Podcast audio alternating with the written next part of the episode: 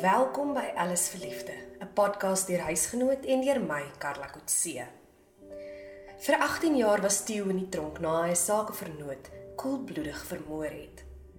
In Januarie 2019 is hy vrygelaat en het hy vir die eerste keer weer 'n draai roomys geëet en sy lewe begin herbou.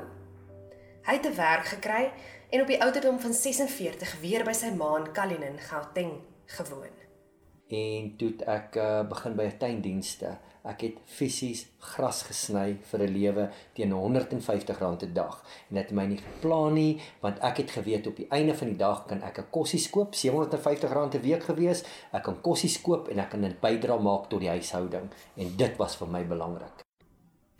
Min het hy geweet sy lewe sou weer, nes na die moord byna 20 jaar gelede, verander.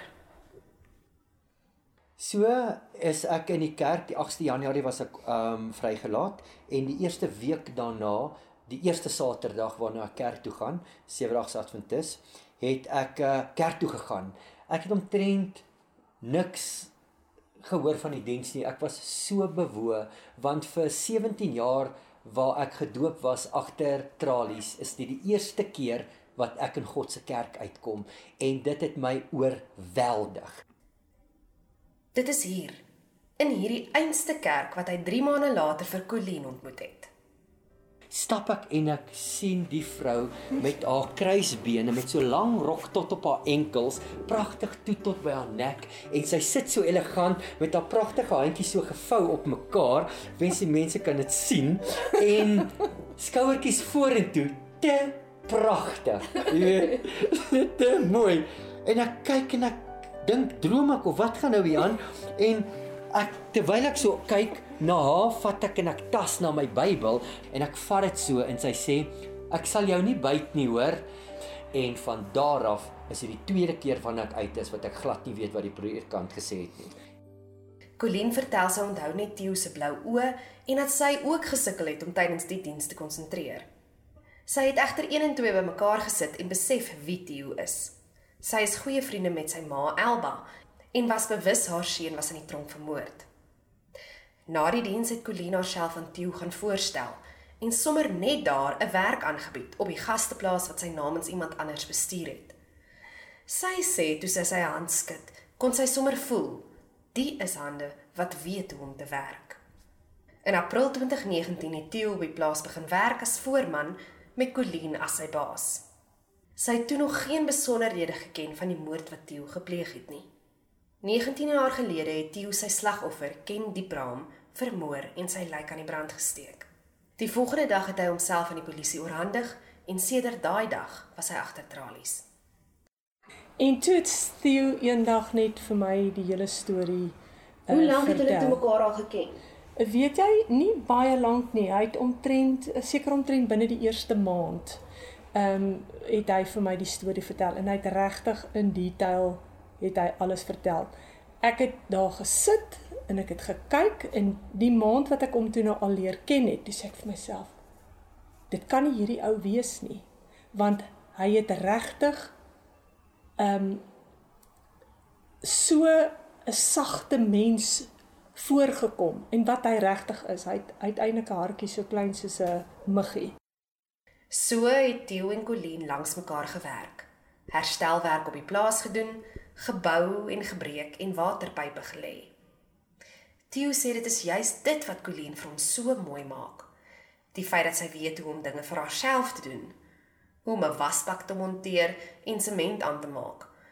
Maar Colleen sê sy het nooit haarself toegelaat om Theo in 'n romantiese lig te sien daai eerste paar maande nie ek het van hom gehou omdat hy regtig 'n openlike, eerlike, opregte mens was waar ek nog net met agterbakse, oneerlike, ehm um, agteraf mans te doen gehad het. En ek het hierdie persoon gesien wat nie skaam is vir wat hy in glo nie. Dit was vir my verskriklik belangrik en ehm um, hy was altyd elke dag gelukkig Colleen vertel sy is in vorige verhoudings mishandel, emosioneel, fisies en finansiëel, en sy het hard geword en min geglimlag.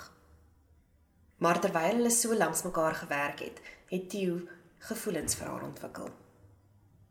by die swembad, daar's 'n groot swembad op die perseel en prys die Here dat daar 'n lek ontstaan het die aand. So 6 uur was so skemer en Ja.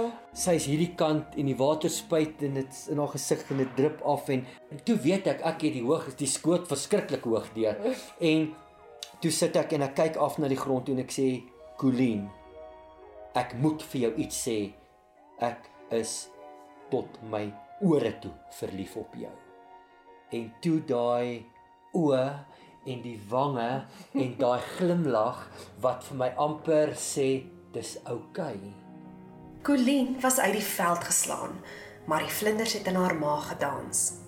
Ja, en ek ek sê toe vir hom, ehm um, Theo, as jy wil loop op hierdie plaas, dan loop ek saam met jou. Colleen, wie 54 jaar oud is, sê sy sou nooit vir Theo, 7 jaar haar junior, vertel het hoe sy voel as hy nie eers sy liefde na haar verklaar het nie.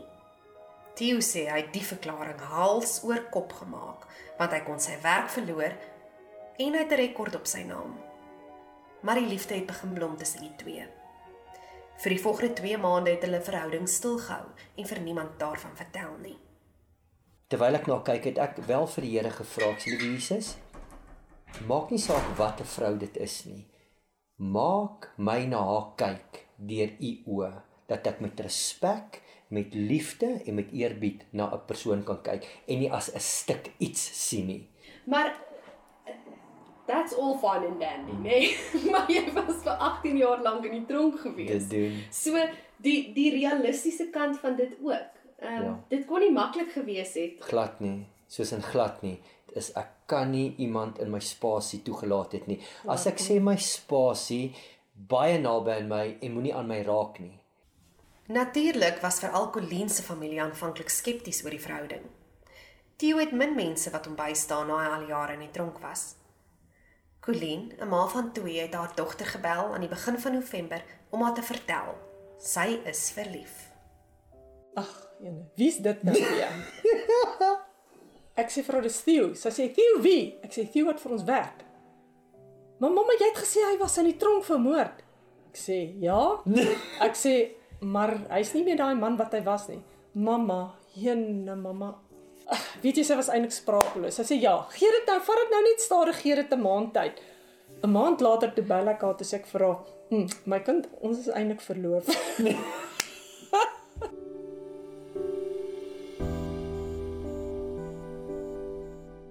ons het verloof geraak. na ons ons fietsry rit beplan het en die gedagte gehad het gaan ek 2 3.7 kg tente dra of gaan ek 1 dra Ja. want en ek het vir haar van die begin af gesê Ja. en sy het vir my gesê vir 'n eerste keer in haar lewe wil sy dit reg doen en ek wou dit ook reg Maar jy moet doen. nou reguit praat want Okay, so, reg doen om glad nie fisies betrokke te wees in 'n verhouding op ons ouderdom voor ons getroud is nie. tel soen Glad nie, ek het Nee. baie gesoen. en ek was mal daaroor.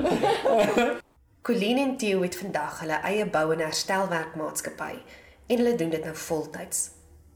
In April 2019 het hulle 'n klein intieme troue op die strand in Gordons Bay gehad en vir hulle witbrood ry hulle toe al om Suid-Afrika op fietsse. Hulle het darm 'n bietjie voor die tyd geoefen, maar dit was 'n stryd. Colleen het laas toe sy 10 jaar oud was fiets gery. Ons het 6911 km om Suid-Afrika gery. 111 Elf dae dae. en ons het ons tente en al ons slaapgoed saamgevat en ons het net 2 keer uit 'n 111 dae in ons tente geslaap. Hulle het die rit vir liefdadigheid aangepak en hulle vertel oral langs die pad het Suid-Afrikaners hulle huise en harte vir hulle oopgemaak, veral wanneer hulle Theo se lewensverhaal gehoor het. En baklei? Nee wat, nie een keer nie. Weet jy, ek dink die grootste ehm um, uitdagings was die boude wat nooit beter geword het nie en die opdraandes. Ons het letterlik, as ek vir jou sê, Jo.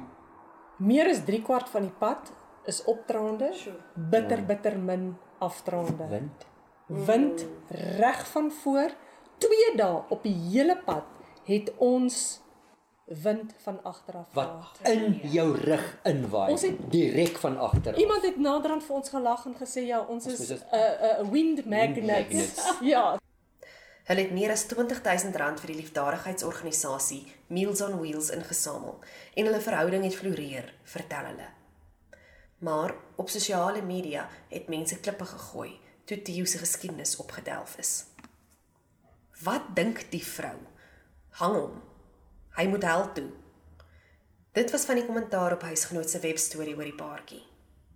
Op die einde van die dag dink ek eh, al die goeders wat die mense gedeel het was 'n situasie van ek het geweet dit gaan kom. Ek het geweet daar sal altyd mense wees. Maak nie saak watter goed jy doen nie, wat jou gaan terug onthou of probeer onthou oor waar vandaan af jy kom en of 'n bordjie om jou land en sê ex offender parolee Vir Colleen het dit ontstel.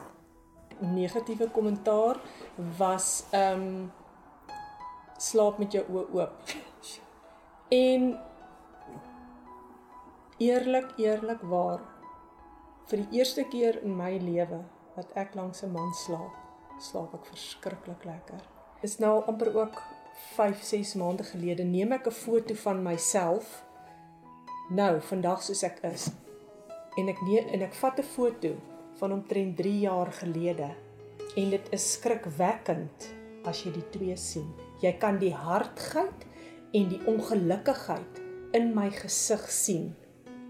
En nou is daar 'n sagtheid. Dit lyk amper asof ek jonger geword het baie en nie ouer nie.